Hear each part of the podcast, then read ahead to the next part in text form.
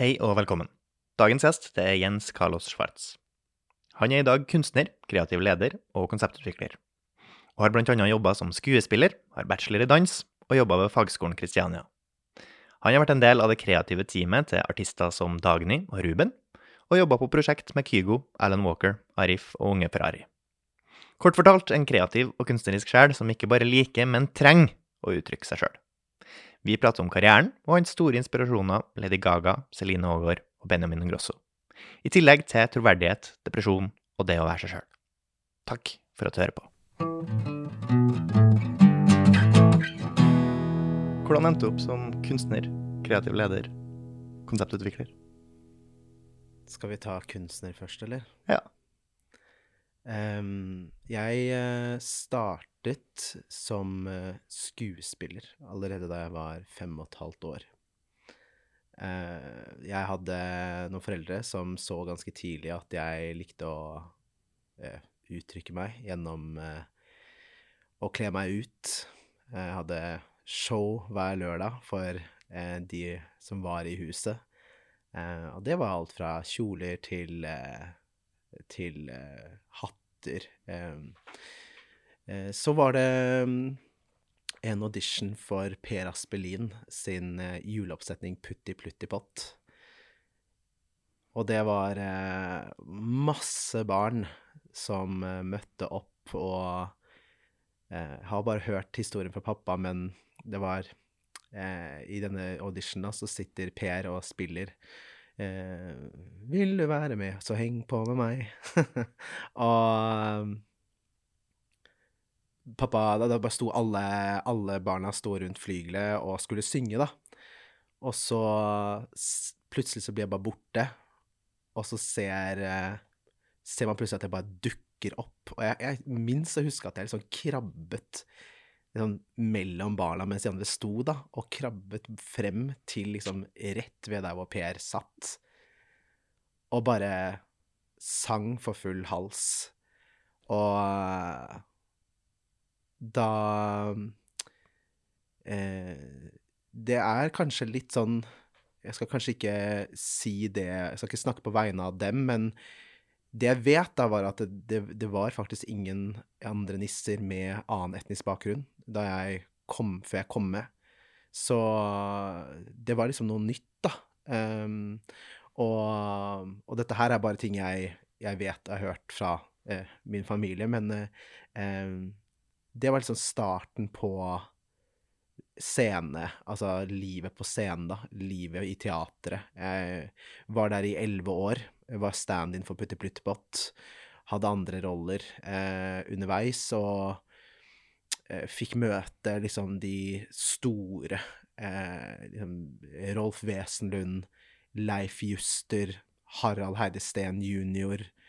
Eh, og, og, og flere, da. Em, og, og bare det å se disse som bare hadde levd i teatret, hadde en lang karriere, og kunne se opp til dem, de var jo stjerner, ikke sant?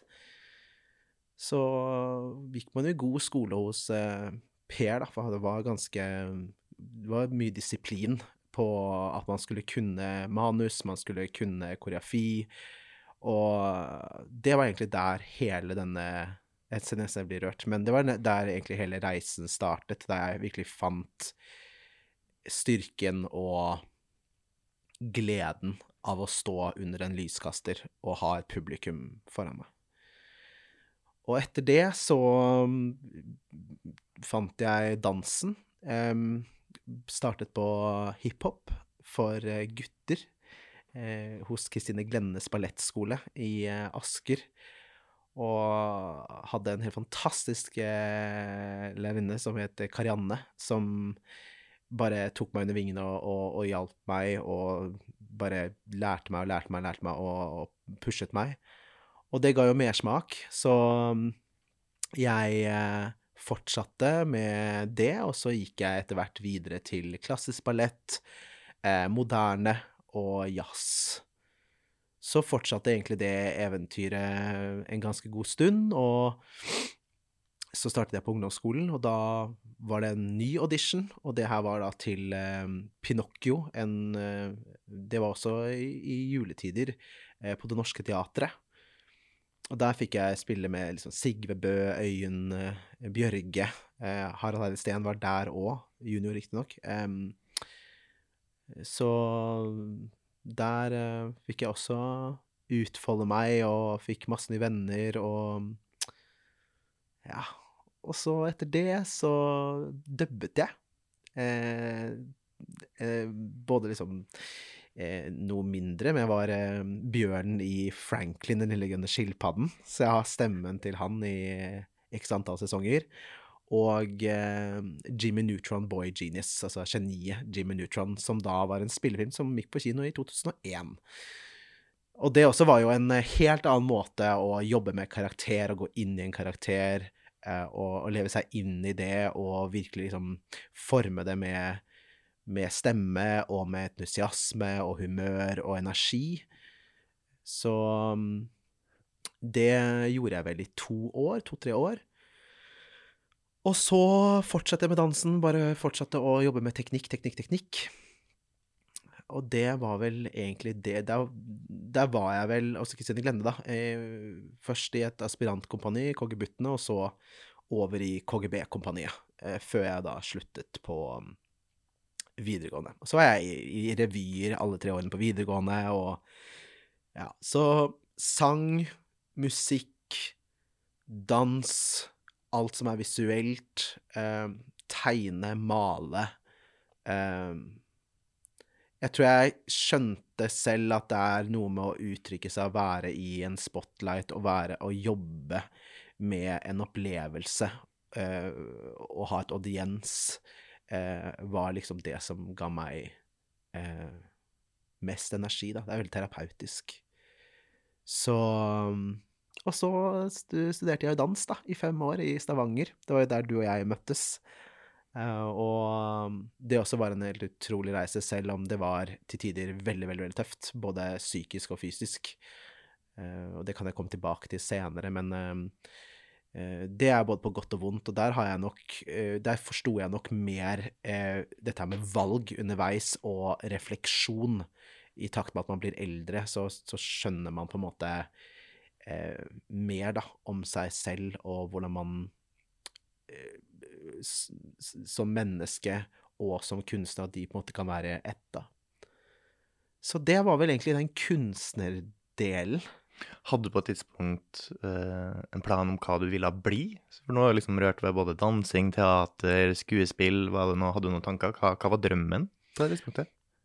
Altså, det er jo litt Det er kanskje en klisjé, og det er jo mange som sier det, at man eh, sto på eh, barnerommet og, og, lekte med mikrofon og så på seg selv som en stjerne. Jeg har vel alltid sett meg som en performer, en entertainer og eh, en kunstner. Altså, det her er bare Jeg, jeg er veldig cinemat... Altså veldig visuell av meg. Jeg klarer liksom å høre en låt og se for meg et univers, se for meg en handling i film eller farger. Uh, og Jeg tror nok at jeg har vært litt sånn inne på de ulike delene, og jeg var vel ganske uh, Jeg tror Helt ærlig så var jeg nok ikke helt sikker på at jeg skulle bli danser. Jeg ville veldig gjerne klare det, og jeg elsket det på en helt annen måte enn jeg gjør nå, men uh, det er veldig sånn at jeg, jeg, går veldig all in og elsker det, og så kan jeg fort bli litt rastløs. Så jeg, jeg, jeg tror nok at um, jeg ikke helt har landet. Jeg har fremdeles ikke landet. Og det er også en prosess. At jeg tror jeg bare eh, Etter hvert som jeg er blitt vok mer voksen, så Det derre drømmescenarioet om liksom, at jeg skal bli det, det er egentlig lagt fra meg. Men jeg har nok underveis tenkt å, jeg skal bli skuespiller. Eh, jeg har lyst til å søke Teaterhøgskolen. Jeg, jeg hadde lyst til å søke Fagerborg da, da, jeg skulle på videregående og gå dans der, men jeg endte opp med å gå økonomiske og administrative fag ved Nesbru. Så jeg har liksom hatt noen drømmer underveis, men jeg syns det har blitt veldig fint sånn som det er nå, da. At man kan bare være liksom fornøyd med å være i en prosess. Så omtaler jeg deg også som kreativ leder. Hvordan endte opp der? Åh, det er jo kanskje det Det å konseptutvikler er jo Det å kunne utfolde seg og lede prosjekter og både jobbe som koreograf, men også eh, skape universer, skape konsepter, komme til et kl helt rent canvas og gå ut ifra eh, Sånn som jeg har sagt til studentene mine på høyskolen og fagskolen, at eh, det å se hvor ting har vært, hvor det er, hvor det skal skjønn, Bryte det ned, sånn som artistene eh, ofte sagt liksom transformere eh, tekster og musikk over til et visuelt uttrykk. Det er jo helt fantastisk. Mm. For å dra deg vekk fra det abstrakte, da. Mm. Vi kan jo prate litt om uh, Dagny-konserten. Det kan vi. Uh, forrige helg så var jeg og så Dagny eh, i Spektrum. Mm. Det var veldig fint. Mm. Der har du bidratt. Ja, altså, jeg har vært involvert i alt annet enn egentlig Spektrum. Uh, jeg har uh, jobbet med Dagny i tre år, eh, og vært en del av teamet der, uh, på det kreative. Eh, og vært en god sparrepartner eh, for henne med, med mye av liksom hvordan man kan bygge en karakter, og hvordan man eh, hvordan image og stil og For hun er jo en veldig visuell eh, artist. Konseptuell artist.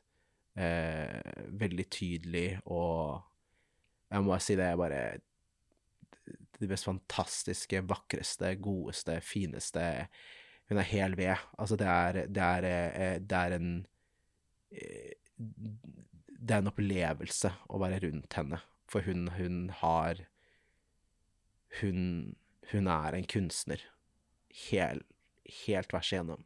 Så det å kunne jobbe med noen som er så eh, åpen, men samtidig så tydelig på hvem man er da, som artist, er jo en eh, privilegium. Så jeg eh, eh, Under konserten nå så har det vært andre som har designet eh, antrekkene, eh, og, men Dagny er jo alltid involvert 100% i alle prosesser, da. Så Men eh, vi, kan gå, vi kan jo snakke om selve opplevelsen. Eh, eh, det er jo Det å stå der og se en av de man elsker mest Altså sånn Selvfølgelig, siden kjæresten min og familie, og, men hun er, en, hun er som en søster. Eh, det er på en måte Altså, hele familien er fantastiske. Jeg, jeg det, det å være vitne til at noen er så hel i sin kunst, er Nå begynner jeg å grine, men, men det er eh, så vakkert og så givende.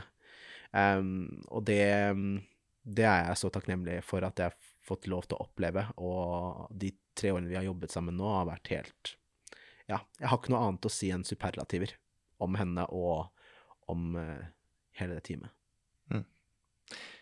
Hvordan går du inn i et prosjekt som kunstnerisk leder, eller, eller som stylist, da, som du også har jobba som? Mm. hvordan går du inn i et prosjekt? Du får beskjed her er jobben du skal utføre, få det her til å se bra ut. Mm.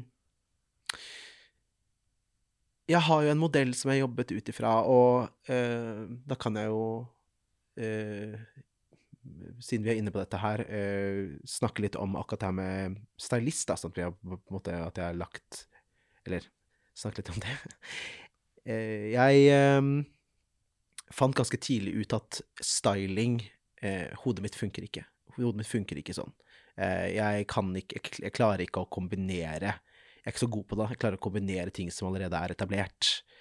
Ting som har, eh, er forankret i eh, en viss estetikk eller en, eh, en, et konsept. Eh, liksom, du kan ta alt fra liksom, Balenciaga til Vetma til Gucci, Tom Ford, Rick Owens, altså eh, Akne Studios. A, a, mange av disse brandsene har allerede en, en estetikk og en, en tematikk og et konsept som de jobber ut ifra eh, for kolleksjon, og så har de på en måte core i sitt brand.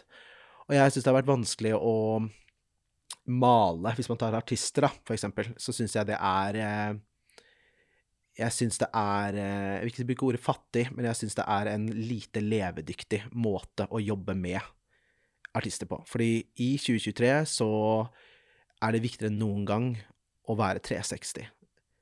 Eh, musikken og det visuelle gjenspeiler, de speiler hverandre. Så det å begynne å ta masse ulike ting som allerede er har hva skal jeg si, en forankring skal bruke ordet forankring, for eksempel, da? Ja. Eh, blir feil i mitt hode. Fordi det du egentlig gjør, er egentlig bare fargelegge den artisten, eh, den karakteren, med noe som allerede er assosiert med noe. Og selvfølgelig, hvis du skaper noe nytt, og du har inspirasjon fra noe, selvfølgelig, men du tar utgangspunkt i artisten. Du tar utgangspunkt i en karakter. Mm. Altså bygge en karakter. Videreføre brandet visuelt? Videreutvikler, ja. Ja. Og eh, det mm, har jeg nok eh, vært eh, Jeg har nok sagt for mye ja til veldig mange, eh, veldig mange av prosjektene Eller de prosjektene jeg har vært på og jobbet i, eller jobbet på, eh, til at jeg bare har gjort. Og jeg har nok kommet frem til at hodet mitt bare Det går tilbake til kunst og til skaperen meg. At jeg Det strider så imot min natur å jobbe på. Så um, På en måte for mange restriksjoner, du får ikke nok utfoldelse i det? Ja, altså, jeg, jeg mener at det er bare en helt feil måte å, å jobbe på. Jeg, jeg, jeg klarer ikke å forstå Hvis du tar en artist som går Det blir på en måte bare en miks av masse forskjellig. Det blir Mm. brandsene som egentlig bare Altså, du, du, du er knyttet til andre merkevarer. Uh, og det er klart at det, det er mange utrolig spennende og interessante kreasjoner, kolleksjoner, brands der ute. Men jeg går så dypt inn i det at eh, hvis jeg først skal eh, bruke noe eller låne noe, så, så, så føler jeg det med en gang at OK, dette her er for Altså For å si det sånn, da. Ti influensere eller ti, mange andre artister kan ha gått med det før. Det er på en måte loggen eller historikken på det uttrykket allerede loggført. Er du med meg? Mm. Så jeg, jeg, vil, jeg, vil, jeg vil heller skape noe helt unikt for den artisten jeg jobber med. Mm. Hakket mer vågalt, tør å lage noe nytt eh, framfor å videreføre Ja, altså, eldre konsept. ja, altså vå, vå, Ja, jeg skjønner hva du mener, og jeg tror hvis du tar eh, Hvis du tar alle de store, da, ta for eksempel Bowie, Ja. eh, eller Prince, Madonna, Lady Gaga, som er mitt, eh, mitt største forbilde innenfor det jeg holder på med. Hun var den grunnen til at jeg startet det. Så Bad Romance tilbake i 2010. Hun sitter og liksom sitter med rød, rød parykk, eller rød wig, og eh, i et badekar, og bare masse lating. Altså, jeg, jeg bare ble frelst. Det var som om hele Alt bare falt på plass. Um, så jeg, jeg, jeg, tror liksom bare det å tenke ut ifra Altså bygge et konsept. Da tenker man jo kanskje OK, eh, Coca-Cola har gjort det sånn, eller Tine har gjort det sånn, eller eh, Hva skal jeg si, ja eh, Du skjønner hva jeg mener? altså Andre merkevarer har gjort At man kan bli inspirert, da. Mm. Men du vil allikevel bygge noe genuint for din egen bedrift, hvis man tar det rent med tanke på business, da. Og jeg tror vi glemmer Eller jeg, jeg mener at det er veldig mange som Det sier jeg ikke at det er galt, det er bare Det, er, det funker ikke i mitt hode. Jobbe på den måten at det, man heller tar inspirasjon, og så bygger artisten opp på den måten, da. Mm. Det er veldig spennende. Så kanskje mer at du heller mot å utvikle nyere artister, da, som kanskje ikke har funnet ut hva deres brand er enda, Mm, mm. i større grad. Ja, så kan du være med å videreutvikle, videreutvikle noe som allerede er etablert, og komme og fargelegge det enda mer, eller sparre, eller klare å ta noen andre veier. eh, Klare å bryte det ned til å se liksom, ok, du har vært her, det funket kjempebra, fordi her følte du da at det var helt komplett. Nå er du her, hvorfor føler du det ikke? Hvorfor, hvorfor føles det ikke riktig? Ah, ok, vi må ta de komponentene fra dette og, og videreføre det for at du skal komme videre, og du skal ha med deg denne tyngden eller denne, dette elementet, eller de elementene, så må vi plukke dette og så sy det sammen. Hvis du ser for eksempel på Gaga, da, så kan du se en hel linje med estetikken, med alle hun har jobbet med, alle eraene hun har vært igjennom, og likevel så er merkevaren hennes like sterk, for de har jobbet så konkret med å bygge noe som er så Gaga. Mm. Eller hvis du tar Bowie, så Bowie. Lynet, yeah. eh, eh, Wiggen, eh, liksom disse eh, hva skal jeg si, ballongbuksene, eller disse ovale. Altså, det er så mange uttrykk som man har jobbet veldig sånn konkret med for å plassere det inn i merkevaren, da. Og det Det syns jeg er utrolig spennende, og jeg mener jo at eh, for eksempel eh, Jeg må bare applaudere Stig Brenner. Jeg syns han er helt fantastisk. mm. Fikk jo æren av å jobbe med han og Arif i 2018, med åtte konserter for BBB Tour. Uh, Samme med Ja, Dagny er jo min ultimate star, men det, det å liksom jobbe med noen som er så visuelle, er bare det Når mitt hode blir utfordra, det er jo glede. Å la hodet bare koke, og bare sånn Nødvendigvis ikke vet hva det er, men du bare vet at du er på, et sted. Mm. Så um, ja, nei, det, jeg tror det er der liksom skillet mellom styling, som jeg ser på som kombinasjon av elementer, og at det på en måte skal være i harmoni, Mm. funker For, for, for min del så er det kjempebra for editorials og, og, og, bilder som er mer kommersielle, men når du skal bygge en karakter, så ønsker i hvert fall jeg å gå tilbake og bryte det ned og, og bygge noe som er ut ifra deg, eller fra deg, eller fra deg. Det er helt Det er eh, natt og dag. Det er masse forskjellige konsepter. Hva er det som er fint med stylingbransjen? Jeg tror eh, For min del så var det en veldig, et veldig godt springbrett. Som igjen ga meg en ganske klar tanke på at det er jo øh, Det er jo ikke dette jeg vil drive med. at eh, jeg eh, Ja, igjen, da. Jeg bruker, sier ofte at det, hodet mitt funker ikke sånn, men, men jeg, jeg klarer seriøst ikke å tenke sånn. Mm. Jeg har problemer med å forstå det. Hvordan et par sånne budskap funket i det, og så hvordan det Altså, ja, jeg forstår jo selvfølgelig eh, oppbygning og tyngde, altså hva som er lett, hva, altså sånn fargekart og alt det. Jeg forstår hele liksom eh, Ikke teorien, men teknikken på det, da. Men jeg klarer ikke å være innovativ på samme måte. Men du har jo jobba med masse flinke folk, så du Mm. må jo være litt flink til det, i hvert fall. Ja, det får jo være opp til andre å bedømme. Eh, jeg har jo gjort mange fete prosjekter eh, der jeg har gjort ren styling. Eh, og det jeg, jeg tør å påstå at det har blitt veldig bra. Og så er det jo denne Jeg tror det heter katarsis. Denne opplevelsen, denne kulturopplevelsen når man opplever noe som er liksom utenfor en selv. Det har jeg nok ikke fått av det. Nei. Det har jeg nok fått mer av når jeg virkelig eh, får en eureka-opplevelse. Bare sånn Selvfølgelig, det er jo dette vi skal gjøre. Eller når man virkelig blir liksom, sånn som jeg kaller det, workasm. Når man virkelig bare Altså, man blir så tent på arbeidet. Man bare OK, dette her, fy fader, selvfølgelig. Let's go. Mm. Så det er mange fine fine deler av det, og jeg mener ikke å snakke det arbeidet ned eh, på noe som helst mulig. Jeg er bare 100 ærlig nå på at det funker ikke for meg. Fordi Nei. jeg er skapt på en helt Altså, sånn, jeg er ikke skapt for det. Det må jo være en ærlig sak. Ja, jeg mener det også. Jeg har nok vært litt for stille om det, jeg har nok sagt for mye ja. Og jeg har nok gått litt på kompromiss med meg selv med akkurat det.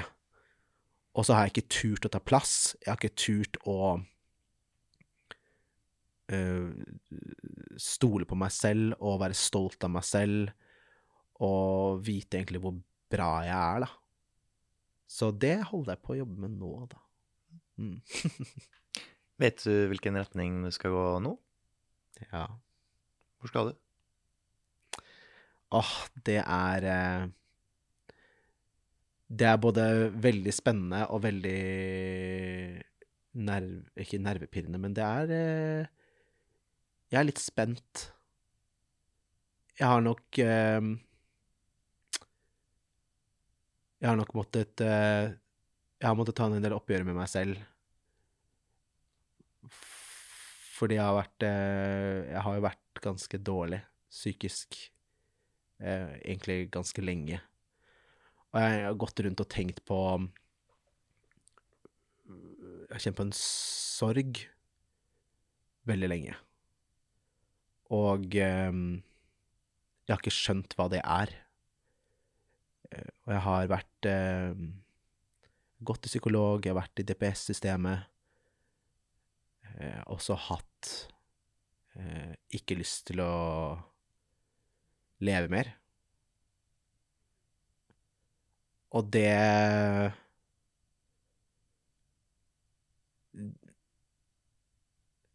Det er eh, Det er både vanskelig å snakke om det, for det er mye følelser rundt det, men det er også vanskelig å beskrive og skildre hvordan det er å være i det. Og det har tatt ganske lang tid for å finne ut hvordan man skal komme seg videre, og hva som har vært eh, det som har tynget meg, da. Men så har jeg um,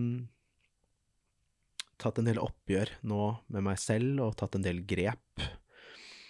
Og, og renset mye, liksom eh, Liksom livet mitt. Så virkelig vært eh, tenkt på hva er det som gir meg noe? Hva er det som gir meg god energi? Hva er det som eh, fører meg videre? Hvordan er det å være Jens? Hvordan, er, hvordan, hvordan har Jens det? Hvordan skal Jens få det bra? Og det jeg tror jeg har kommet frem til, er at gjennom det vi nettopp snakket om, med å gå på kompromiss med seg selv så mye, og det å ikke få skape, har gjort meg ganske deprimert. Mm. Og det som har vært ra, eller det som jeg tror har gjort at jeg ikke har Altså at det har vært ganske kamuflert, at jeg liksom ikke har klart å skjønne det før nå, er fordi at jeg har jo fått mye glede av den reisen jeg har hatt til nå. Jobbet med så mye fine mennesker, kanskje noen av de Altså absolutt noen av de beste i bransjen, både i Norge og Skandinavia. Eh, fått jobbet med ja, veldig mange talenter og bare masse kompetanse. Så man, man, man, man klarer Jeg tror nok det er det som har vært kamuflasjen på det, at jeg, jeg har kanskje trodd at Altså, skjønner du, at man legger allikevel glede der, man legger allikevel trygghet der, man legger allikevel en eh, en tilfredsstillelse der. Men når du først begynner liksom å pirke borti det, som jeg nå har gjort, og virkelig bare sånn dra ned det teppet, og skjønne liksom hva det jeg egentlig holder på med, da har jeg bare funnet ut at det er jo det å miste kontakt med sin egen intuisjon, altså det å ikke kjenne på at ok, til høyre, ned, svart, gult, prikkete, eh, denne bevegelsen, altså det å, å virkelig liksom kunne uttrykke seg og kjenne på magefølelsen sin på hva som er the way to go. Det har jeg vært hele livet. Altså, intus, altså jeg har vært veldig intuitiv. Jeg ble også fortalt under dansestudiet at jeg kjente alltid på hva som føltes riktig for meg, regardless av hva alle andre gjorde. Jeg var liksom helt i min egen sfære. Og når du går så lenge over en Eller går så lenge og føler at du ikke har kontakt med det, men du egentlig bare gjør, du bruker allikevel kompetansen din, du kan bruke kreativiteten din, men du kjenner ikke etterpå, liksom Er du med meg? Mm. Ja, så det der livet å gå ikke være seg sjøl Det er jo ikke nødvendigvis at det betyr depresjon for alle, men det er jo fortsatt den her eh, Man kan jo cope, sant. Man kan Mm. eh, liksom tolerere det, og vi er jo veldig tilpasningsdyktige som mennesker, så nesten Mm. under nesten alle forhold så går det an å se lyspunkter og Mm. altså nedsider av alt. Men um, nei, jeg, jeg skjønner hva du mener med liksom, det å ikke kunne være seg sjøl, da. Mm. Um, når skjønte du at du var uh, deprimert?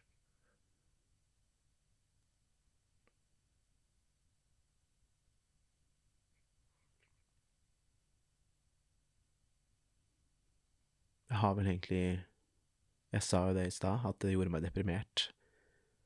Men jeg tror at Det er vanskelig å på en måte Ikke, altså, ikke man skal selvdiagnotisere seg selv, men jeg har jo gått med en svart sky over meg. Kanskje i åtte år. Mm. Kanskje lengre. Når skjønte du at du Eller når oppsøkte du hjelp, da? Første gang var i 2016. Da utviklet jeg eh, sosial eh, panikk og separasjonsangst. Og var eh, spesielt separasjon og sosial.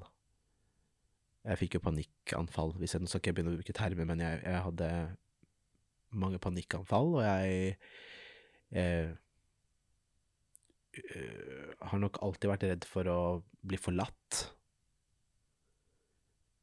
Men det var nok mest den sosiale biten som bare Det klikka over natten.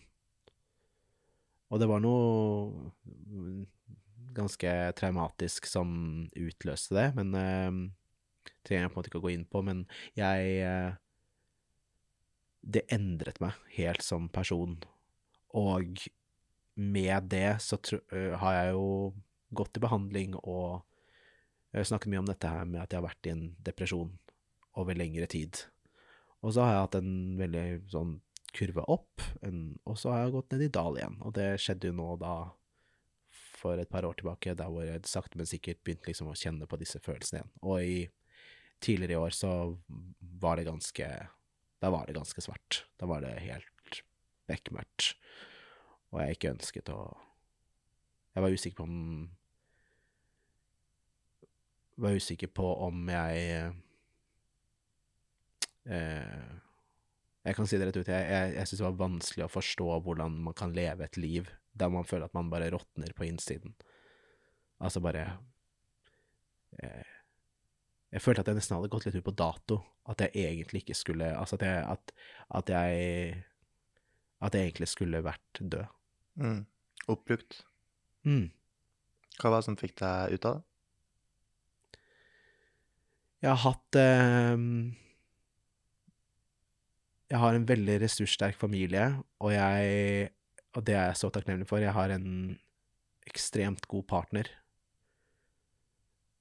eh, som har støttet meg gjennom alt. Og jeg har en så fin venneskare rundt meg som har støtta meg, og som har sett meg, og som har ringt, og som har eh, sett mine behov, og ja, jeg vil si Ja, sett meg, og bare vært der. Eh, og det har betydd alt. Det var en eh, venn av meg som ga meg, eller forta, um, ga meg et sitat, eller jo, et sitat, og det var um, Der solen skinner sterkest, er det også mørkets skygger. Og det jeg tatt med meg, fordi det handler jo om å gå ut og stå i lyset og tørre å være seg selv, og hvis man da har mye følelser ut på huden og er et følelsesmenneske som jeg er, så er det jo også en bakside ved Kan det være en bakside ved det?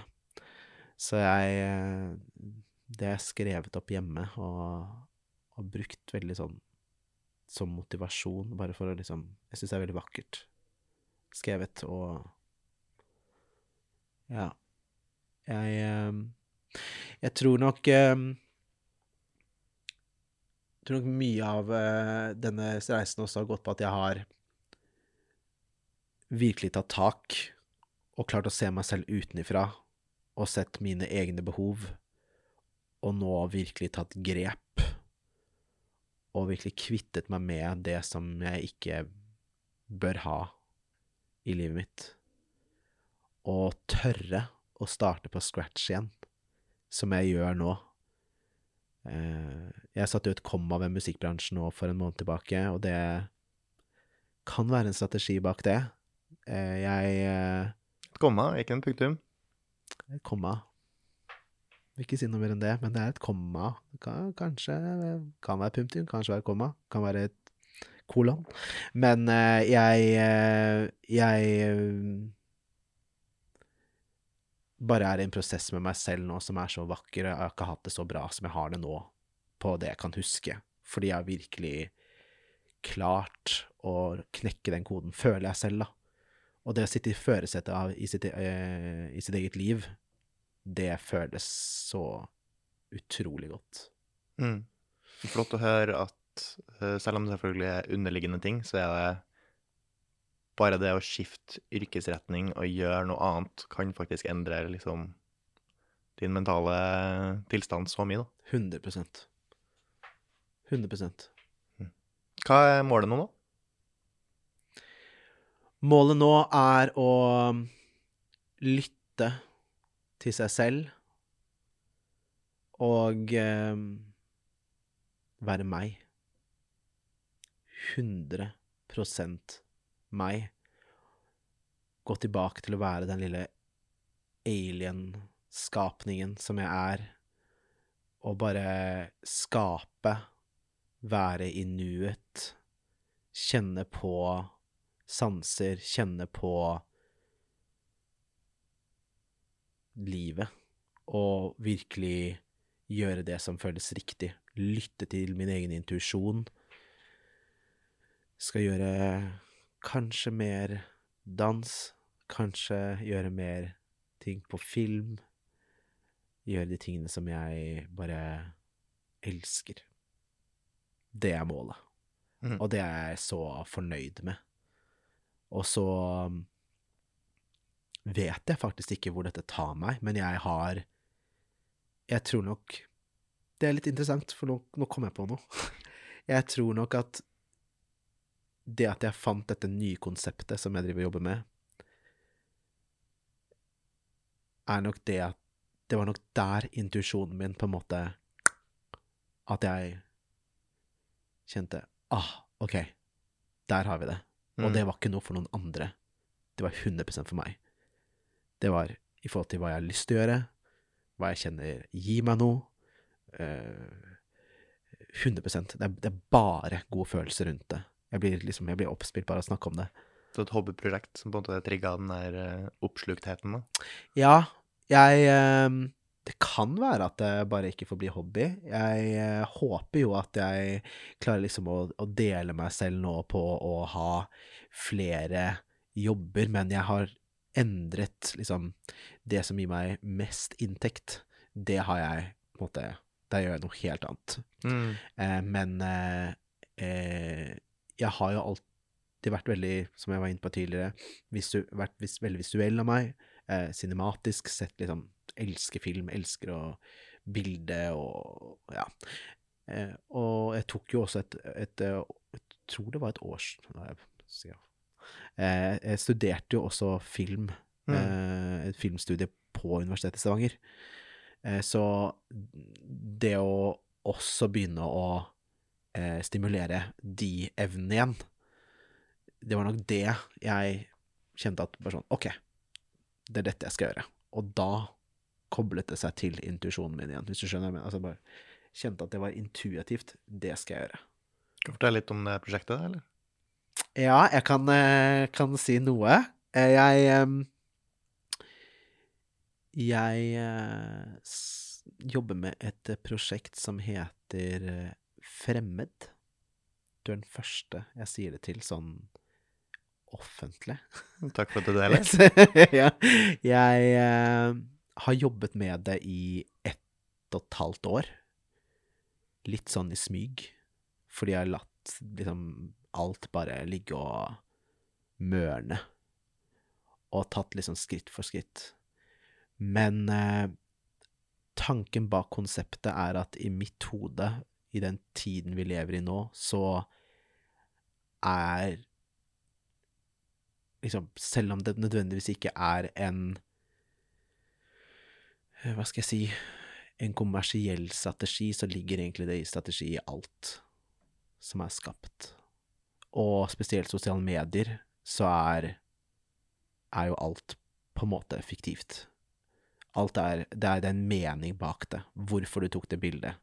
Hva du gjør i forhold til business, hva du velger å gjøre i forhold til kreative, i forhold til karriere, i forhold til ja, livet generelt. Altså alt det som ligger der ute, er bygget eh, ut ifra deg selv og, og, og, dine ønsker. Og så er det klart at eh, jeg savner eh, det autentiske. Jeg savner det genuine. Jeg syns vi går i en helt feil retning. Mm.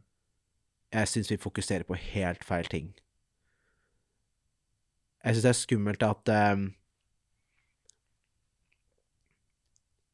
TikTok har tatt så mye plass, og har så mye plass. Det er mange fordeler med det, sikkert. Jeg syns det er vanskelig å se det i det store bildet, ettersom at det er så mange som er så påvirket av det. Og spesielt for den kreative bransjen så har jeg vært og er ganske frustrert over å se at det handler egentlig bare om å være viral. Å få noe til å bli bli trend. Ja. Musikk, kreativ Altså uansett hva du holder på med, så går det ned en, til en algoritme. Det går til likes, det går til følgere på hvilke eventuelle muligheter du har. Og dette her er min tolkning av det. Jeg sier ikke at det er sånn, jeg sier ikke at det er sånn for alle, men det er min oppfatning og min opplevelse av det, og jeg er så imot det. Mm. Eh, av den enkle grunn at jeg føler at det bør ikke være liksom Det bør ikke være et fundament i en eh, i en karriere, for å være helt ærlig. Nei, det er en utfordring der, da, nesten uansett hvilken eh, altså, kunstnerisk uh, gren du følger, så må du på et eller annet tidspunkt Du må ha penger også.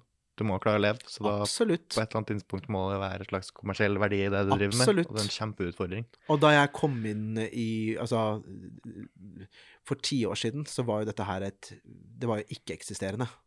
På den samme måte som det er i dag. Selvfølgelig digg. Eh, det har vært Altså Alt det digitale har jo vært, eksistert mye lengre og, og, hatt mål om å komme over på digitale plattformer og Altså digitalisering, da, hvis jeg kan si det på den måten. Men eh, i starten så forsto man jo ikke hvilken eller hvilken retning, eller hva influencer marketing eller influensere Altså bare ordet. Det var jo nytt. Mm. Eh, og nå er det jo Nå er det jo en hverdagskost, hvis jeg kan si det sånn, da. Eh, og jeg syns det er vanskelig å også se en tyngde, en faglig tyngde, innen det innovative, eh, talentet, eh, skaperen, altså det å virkelig skape noe. For meg så er det Jeg, som jeg har sagt til studentene på, på fagskolen, så må du bruke hodet ditt, for det er det som in the end of the day redder deg. Mm. Det er ikke telefonen, det er, det er, ikke redigeringen, det er ikke hva du har på deg. Du har tatt noen valg, ja, men du må skjønne Du må skjønne noe mer. Det var som en lærer sa, vil ikke nevne navn, men eh, personen sa at det er ikke nødvendigvis de mest tekniske danserne som kommer lengst. Nei. Det er de smarte, det er de som tar valg, de som ha, reflekterer over egen praksis, de som evaluerer. Altså refleksjon. Jeg, jeg savner refleksjon, innovasjon, faglig tyngde. Jeg ser ikke jeg, jeg har problemer med å se det nå i det store bildet. Og så har man jo Jeg har jo noen store forbilder som jeg, som jeg har, som har drevet meg i denne bransjen, da, som jeg fremdeles syns bare gjør fantastiske ting eh, for norsk eh, moteindustri, og, og, også nå er internasjonalt store, da. Eh, og det Har du lyst til å nevne noen? Hva sa du? Har du lyst til å nevne noen? Ja, absolutt. Eh, jeg eh, Da jeg kom inn i bransjen i var det 2015, så jobbet jeg jo med Thomas Hays, og da var jo Skam eh, liksom på vei opp til å bli liksom stor, stor, stor, stor, stor hit. Mm. Og da ble jeg kjent med Celine Aagaard, som nå også er en god venninne av meg, og hun er for meg et så utrolig godt forbilde på faglig tyngde, på det jeg var inne på med innovasjon, altså det å skape eh, noe helt nytt. Noe. Altså, så, altså eh, overraske. Altså virkelig Man ser at det hun gjør Det er en tanke bak det. Det har vært en prosess. Bare være, bare være rundt henne er, er Hun er Hun er eh, ja, det hun har gjort med Envelope 1976 og, og den karrieren hun har hatt, er eh, ja, virkelig imponerende. Og det var nok mye sånn da da Skam også på en måte ble mye mindre, så, så var man på en måte ikke like hot lenger. Eh, man, det er jo litt sånn hvor, hvorvidt måte du gjør fete prosjekter, eller liksom hvem som trender og så videre, for det, sånn, er, sånn er det i alle bransjer. Mm. Men eh, hun har vært en av de som har vært der for meg hele veien. Nå har du vært vært litt innpå det, men hva, hva er det hun gjør som er bra? Hva er det hun gjør bra? Jeg syns hun bare er 100% seg selv. Hun, gjør, hun tar egne valg. Hun, hun gjør sin Hun har sin reise, og det er så tydelig. Mm. Så noe med den der kompromissløsheten, egentlig? Ja, absolutt. Mm. Hun er en eh, Jeg skal ikke banne, men hun er en eh, beep rockstar. Mm. Hun er min eh, Bowie. Eh, og så er jeg kjempeimponert over selvfølgelig Katrine Børter hos Pearl Octopussy, som også har gjort en, en kjempesuksess, som også er tro til sin merkevare, tro til sin reise, tro til seg selv. Hun er uh, så dyktig. Uh, så det er vel egentlig de jeg kjenner at jeg bare med en gang får en sånn Ja, virkelig liksom jeg ser opp til, da. Mm. Føler jeg. Jeg håper jo sånn samfunnet generelt, eh, at det kommer en slags eh, motbølge av mer altså, autentiske ting, mer Mm. troverdige ting, mer Mm. sannhet. I hvert fall Mm. noe som man blir prega av. Så mye, det er så mye fake. Mm. Så mye som er kort, format. Du skjønner Altså, selv TV er jo på en måte Det er så regissert. Mm. Du tror ikke på noen ting. Alle lyver. Alt er klipt og galt. Det er jo litt derfor jeg liker podkastformatet. Mm. Selvfølgelig, det er jo det er et oppsett. Det er kamera, har et slags plan. De prater kanskje penere og litt forsiktigere enn det vi hadde gjort om vi hadde prata bare oss to. Men det er i hvert fall mer autentisk og troverdig eh, med to som sitter og prater her, enn som sitter og prater på Dagsnytt 18, eller som sitter og prater på Debatten, eller sjøl på Lindmo. sant? Du får ikke den samme troverdigheten som man ofte kan få da, i, i podkast. Og merker også at folk liker folk som er ærlige. Folk liker folk som er seg sjøl. Det er litt sånn rart å dra inn et eksempel som Trump, men sjøl han som på en måte hadde et preg av sannhet i seg. Folk heller mot han. Folk som tør bare å si ting som er seg sjøl og er sant. Man heller mot det, liksom. Mm. Det trenger ikke å være politikere, det kan være artister, kunstnere, det kan være alt. Mm. Folk liker sannhet, og jeg tror at på en måte den pendelen kanskje faller litt tilbake da, nå som folk blir mata med så mye fake innhold, i hvert fall nå som du får AI-genererte ting på nett og sånn. Hvordan skal du vite hva som er sant og ikke? Mm. tror jeg man bare må kjenne på hva er som er autentisk, hva jeg tror på. Mm. Kan være det noe Kan være noe det i fremmed. Mm, Kan være. kan være. Hva er drømmeprosjektet ditt? Nå som du på en måte hva, Nå titulerer deg som konseptutvikler også. Mm. Hva, hva er drømmeprosjektet? Det er fremmed. Det er det jeg holder på med nå. Det er eh, Jeg går all in. Tenk på det hver dag. Tenk på det nesten hver time. Og det er som du nettopp var inne på, dette med det autentiske. Dette med å gå tilbake til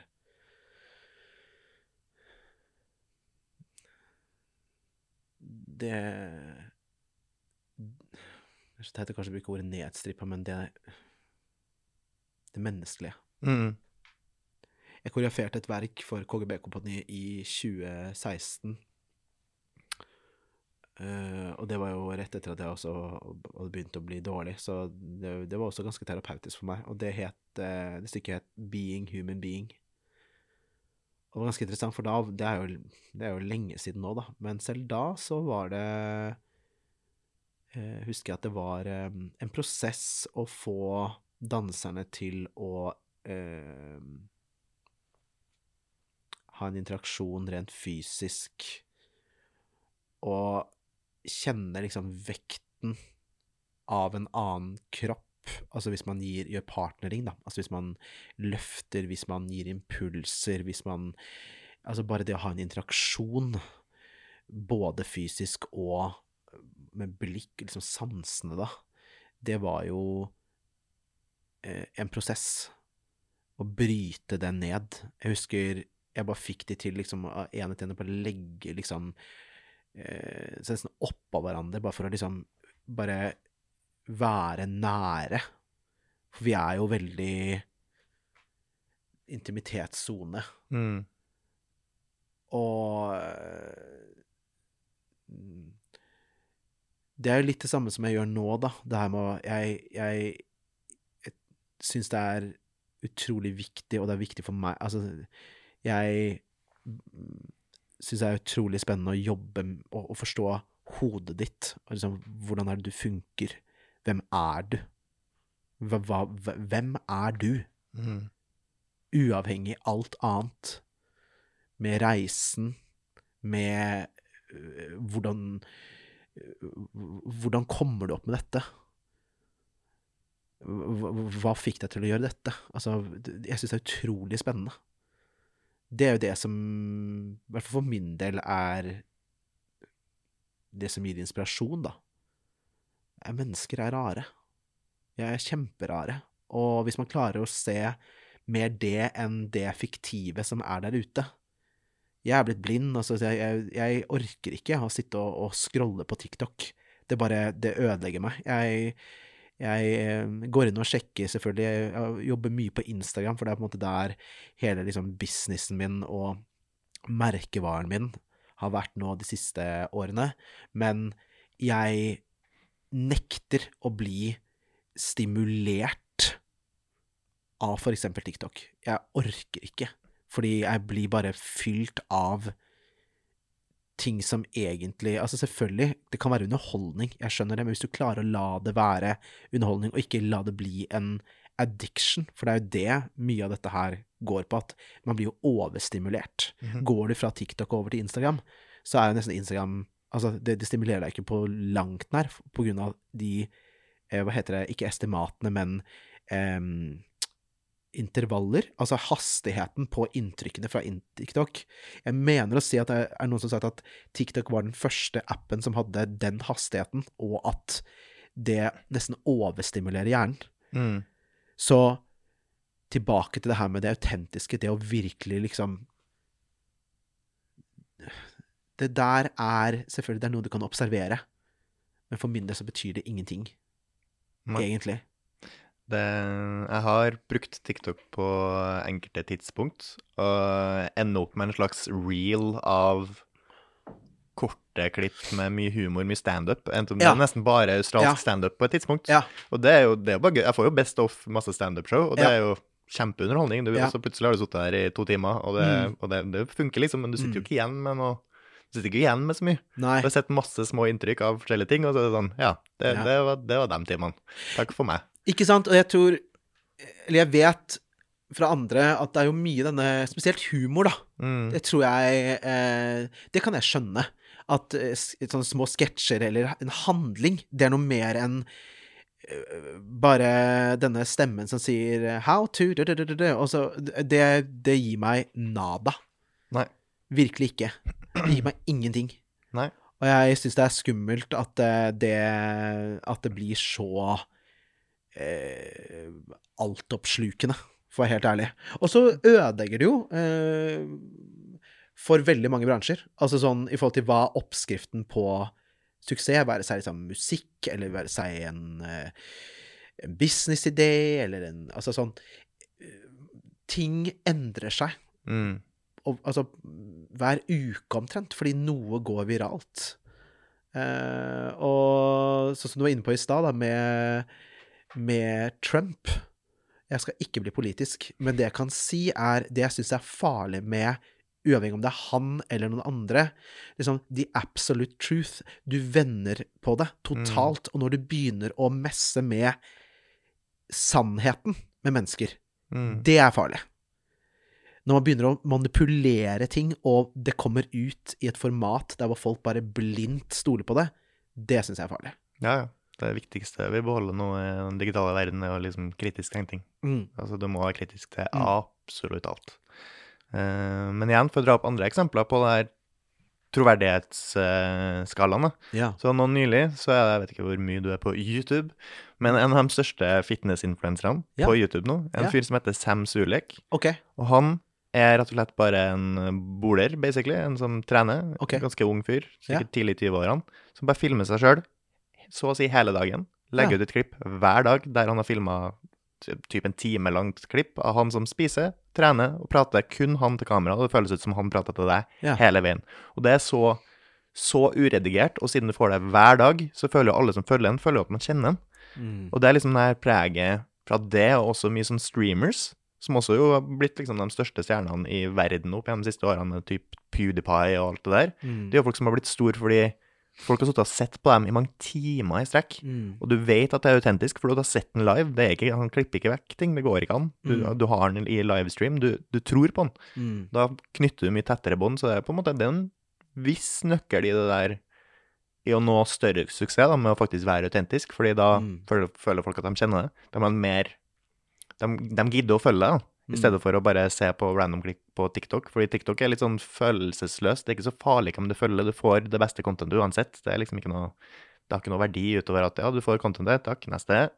Du trenger liksom ikke Det er ikke sånn at jeg oppsøker mer av den samme samme skaperen, da, eller samme influenseren nødvendigvis. Mm. Det er sånn du får uansett best of, så du trenger ikke å, trenger ikke å få alt. Mm. Men eh, ja, en refleksjon jeg har gjort der da over at jeg syns det var flott at den er Selv om det handler bare om fitness, stort sett, så får du jo mye mer av mennesket. Du får hans usikkerheter, du får liksom hans politiske syn, du får Ja. mye mer av personen, da. Ja. Eh, enn, å, enn å bare se en kort oppklipt uh, treningssession, liksom. Så får Ja. du hele livet hans. Og det er sånn, folk elsker det. Ja. Kisen får to millioner views hver dag Mm. på YouTube, og det er Mm. sykt mye på en eh, liksom to timers lang video. Mm. Ja, det er interessant når du på en måte får liksom det nære, nære øyeblikket og, og den kontakten. Altså er det jo veldig mange som bare har det i seg, som er en utrolig fin person som på en måte Det, det, det, det, handler, altså, det kameraet kunne for så vidt ikke bare vært Altså sånn Det er som de bare snakker som om du skulle vært der. Mm. Uh, og um, jeg vil bare trekke inn det vi snakket om i stad, når vi snakker om dette her, da. Med å, å være så mm, genuin og klare å, å nå ut til folk. Og da syns jeg Det er jo mange av de artistene jeg har jobbet med, som virkelig liksom bare er i det øyeblikket med deg. Det er jo en kunst i seg selv, sånn som Dagny. Men vi vil også trekke frem Benjamin Ingrosso, som som også syns det, det er en sånn helt egen egen Et eget menneske. Altså, jeg bare, jeg bare syns det er utrolig inspirerende å se hvordan man klarer å være en performer. Altså, han er en performer, han er en artist, han er en kunstner, men han, han, han, han bare klarer å interact med menneskene rundt seg, og hvordan man klarer å liksom, Uavhengig av hvilket format han jobber i, så ser du at det er fremdeles han. Og det Du har jo fremdeles eh, de som er store, som klarer det, da, og som, som bare er, er sånn. Og det kan jo være at det er mye av grunnen til at han faktisk har blitt stor, er jo nettopp der. Det er jo litt klisj er klisjé å si det, men liksom Nei, det å være seg sjøl, det, det appellerer til folk, Da. Ja, ikke sant? Og tro til seg selv. Han har tro til seg selv hele veien, sånn som han har sett, altså, sett utenfra, og det, og det, det merkes også på han. Eh, På alle liksom, intervjuer han gjør, og hvordan han eh, er på um, sosiale medier. Så det er også sånn utrolig Han inspirerer meg. Altså, han, han det, det går an å være Ha en så stor impact, altså være så stor eh, og en så suksessfull kunstner, men samtidig bare være et superfint menneske. Og være liksom Klare å interacte. Men ja, eh, det her med, med lengre ting ute på YouTube og sånn, der eh, der er det jo Jeg kan ta meg selv i å, å sitte og se på intervjuer, jeg, da. Spesielt med artister eller med kunstnere. Der, Mm. Det kan jeg sitte og se på i timevis, eller nat naturprogrammer, altså dyreprogrammer. Altså bare Det stimulerer meg. Jeg kan sitte og se på intervjuer av Bowie, kan sitte og se på Jeg tror jeg har sett alle intervjuer av Gaga som er veldig lagt ut. Hvis jeg plutselig kommer over et klipp som jeg ikke har sett, så ser jeg det sikkert fem ganger bare for å få med meg liksom alt essensen av hva hun sier, og hvordan hun uttrykker seg, og hvordan hun begrunner og legitimerer for valgene sine, da. Mm. Eh, Så Og kjæresten min har jo spurt meg om hvis jeg noen gang fikk møte henne, hva jeg, hvordan jeg ville vært. Og jeg hadde nok ikke blitt en sånn eh, eh, Hva skal jeg si eh, En eh, sånn eh, Hva kaller man det, da? Eh, Fan, bare. ja. Jeg hadde nok vært mest opptatt av å, å forstå og snakke med henne om valget hennes. Ja, altså, du er om- mer nysgjerrig enn fan. Ja, ja. Jeg, jeg, jeg elsker, som sagt, å forstå hvordan hodet funker. Mm. Det Det Hva er det som fascinerer sånn med Lady Gaga? Jeg mener at hun er Hun er eh, Ja, jeg vet ikke hvordan jeg skal beskrive det, faktisk. Det er bare en Det er bare en eh, En form. En kunstform som er noe i mine øyne. Og for meg så er det bare Jeg tror jeg har hørt på Bad Romance gjennomsnittlig én gang hver dag de siste siden den kom ut. Jeg altså jeg bouncer til den til jobb. Jeg, hvis jeg har det dårlig, så ser jeg på musikkvideoen. Jeg synger, jeg Altså bare sånn Og det handler ikke om liksom den derre uh, superfan, den, den liksom eh, irrasjonelle Ikke kall det irrasjonell, men du skjønner hva jeg mener? At man, Mm. man bare blir sånn overdramatisk på det. Det går på at det hun, det hun gjør Jeg kan se på hvor hun hvordan hun beveger hånda si, eller hvordan hun rettet blikket sitt der. Hvis hun gjør samme låt i to ulike formater, én på live og én på eh, Graham Norton, så Mhm. legger jeg merke til det med en gang, for det er det jeg er interessert i. Jeg bare ser hvilke valg hun tar underveis. Jeg virker jo helt eh, rar, sikkert, men yep. jeg bare Jeg bare Det handler ikke om Det handler ikke om alt den famen. Nei, det Det er fascinasjonen av mennesket, liksom. Kunst, kunsten, ja. Mm. Og jeg kan sikkert eh, Jeg eh, er kompis med en av danserne hennes som har jobbet Eller han jobbet med henne i tolv år. Ja. Og det er jo så mange, mange ulike ulike mm, ulike former på de ulike koreografiene. Så det er sikkert sånn 20 ulike av den samme sangen. Og bare det er jo sånn jeg kan. Jeg forstår, jeg ser liksom Å, jeg har brukt den der. Det er den versjonen, ja. Okay. Ja, det er den versjonen, ja. Men ja, så, så jeg, jeg poster jo mye om henne, og det er rett og slett fordi at jeg, jeg bare Det er min største inspirasjon. Det var hun som vekket den, den visuelle eh, gnisten i meg på å gå videre utenfor dansen da jeg gikk på Mm. folkehøyskole eh, på Sunnhordland. Da jeg så den musikkvideoen Det var som jeg kom hjem, liksom. Ja, da gikk han å gjøre ting utover dansen og kombinere det, liksom. Mm. Jeg husker vi fikk, eh, fikk jo litt ekstra liksom oppmerksomhet rundt musikkvideoen til Pokerface, var det? Ja. Siden det var Ray Kay som hadde Ja, laga ja. den. ja, ja, Da husker jeg liksom at jeg merka OK, Lady Gaga, her var noe Det var litt interessant. Ja. Sjekk, sjekk ut det utover at musikken var Ja. banger poplåta, liksom, for all Ja. del. Uh, og hun har jo det der Jeg, jeg, kje- jeg kjenner jo igjen hva som er Gaga, på grunn av det der eh, ansiktsmaskene, liksom Mm. halvt fjes, Mm. oppsyr og sånn. Ja, fascinerende. Ja, ja, ja. Her, her er det som foregår. Kult. ja, ja. Du er en ekte popartist, liksom. Du går for stjernestatus. Han jobbet liksom med de største, altså som Nicola Formichetti også, har jo vært en, en av mine liksom, se, se internasjonalt, da, så har jo øh, hans måte, modell å jobbe ut fra, så er å være fashion director, altså jobbe med en, en retning. Altså måten han har jobbet med henne på, det var jo også grunnen til at jeg endret modellen min fra Altså tok inspirasjon fra den, hvordan han har jobbet med henne. Hvordan man har bygget en så visuell artist. Jeg, jeg brøt det ned bit for bit og prøvde å analysere og forstå hvordan han har klart å, å, å skape denne dette vesenet, denne, denne, skikkelsen, dette fenomenet, dette ikonet. Mm. Eh, og, og, det var der jeg tok inspirasjonen fra. ok, Hvordan er det man kan bygge et ikon? En, en, den, the ultimate artist. Eh, og har med, hun har jobbet med alt liksom fra Nick Knight, som er en helt sinnssykt filmfotograf og, og bildefotograf, til da um, Nicola Formicetti, som er beyond. Hvordan ville du bygga en ultimate artist i dag? Hvis du skal begynne fra scratch? Jeg tror også Dagny sin oppskrift, hvordan hun har eh, gjort det. Eh, jeg tror jeg hadde gjort det Jeg tror jeg hadde blitt veldig Eller jeg er veldig inspirert av henne. Så den, eh, den måten å gjøre å bare være den hun er, og hvordan hun, hvordan hun har bare Ja. Mm. Hun også er jo Ja. Jeg noe, turte å si faktisk Det er noe gratis jordnært over det å være nordnorsk òg, syns jeg.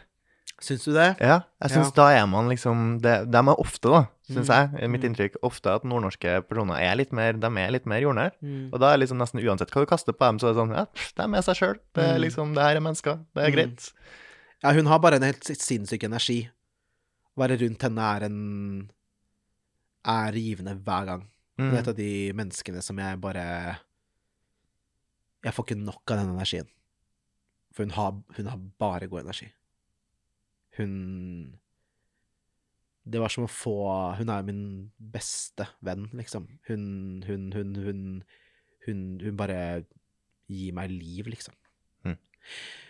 Så Men um, jeg tror nok hvis man skal bygge det opp, så tror jeg jeg har vært Eller jeg vet at jeg har vært inne på riktig vei.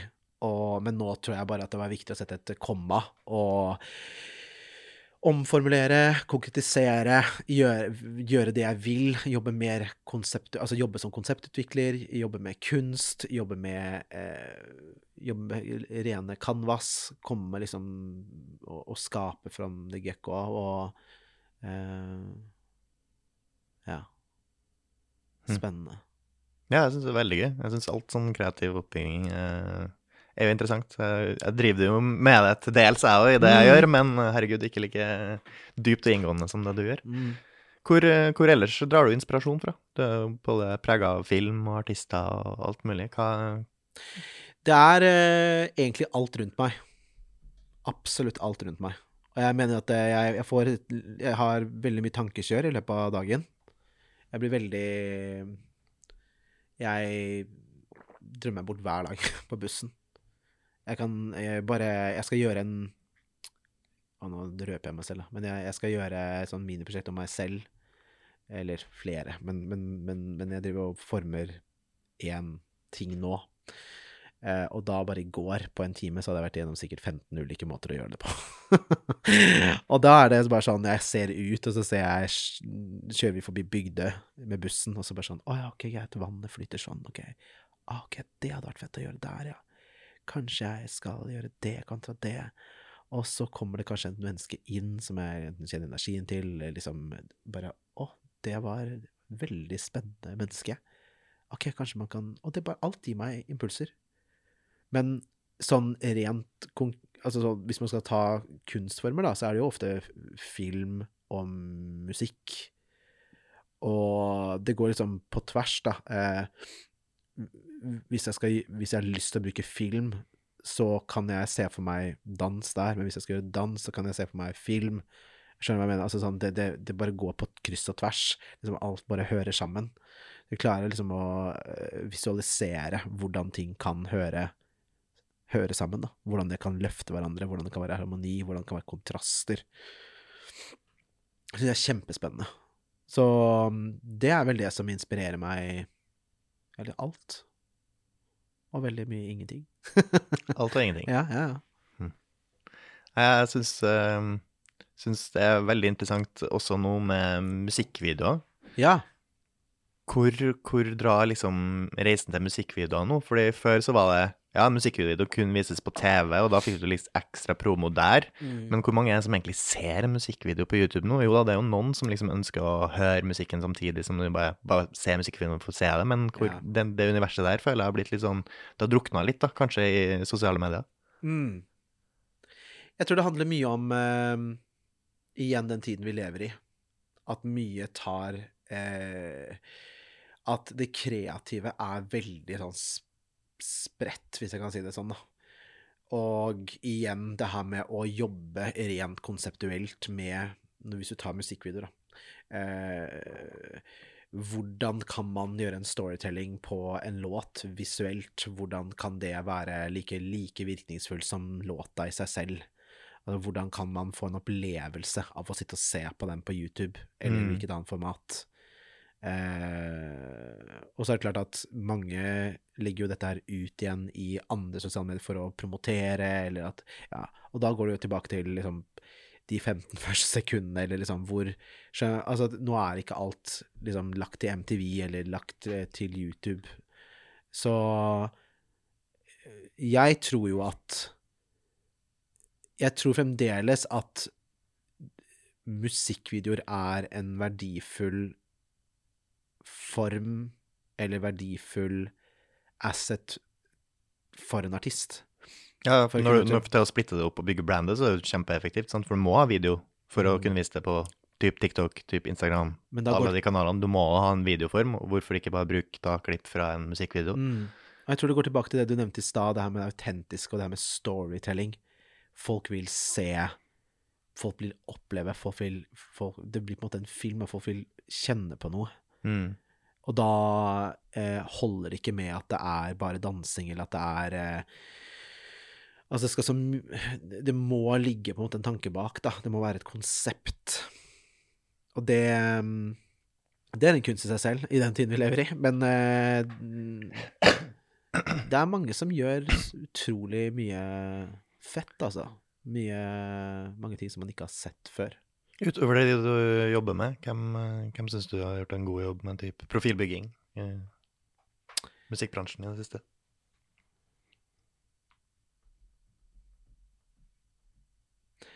Jeg eh, digger High As A Kite. Mm. Jeg digger Emilie Nicolas. Jeg syns eh, Aurora er kjempespennende. Karpe, selvfølgelig. Altså det visuelle universet der er jo helt eh, unikt. Eh, Gabrielle. Um, som jeg var inne på i stad. Benjamin. Er kanskje liksom denne liksom gutta, da, som jeg syns bare er helt eh, fantastisk. Uh, Jeg hørte forresten, for å ta en digresjon, så hørte jeg en historie da jeg jobba i NRK, om Aurora. Og det var, det var en eller annen festival, og så hadde NRK et telt. Og så på et eller annet tidspunkt så de at det var bare noen utafor som drev og pynta NRK-teltet. Bare liksom putta blomster på NRK-teltet. Så dro de ut, og så Ja, det var Aurora. fantastisk. Som bare helt uoppfordra bare gikk rundt og Fantastisk. pynta telt med blomster. Det var bare sånn Fantastisk. jeg var, Hæ, Herregud, så utrolig flott. Hennes stemme er bare trollbindende. Ja. Jeg har sett henne live et par ganger. Hun, hun er bare et helt Hun er også et unikum av en artist. Mm, veldig kult. Jeg liker spesielt godt uh, et klipp der hun synger, uh, syng 'Hellvegen' Ja. sam, sammen med um, hva heter de?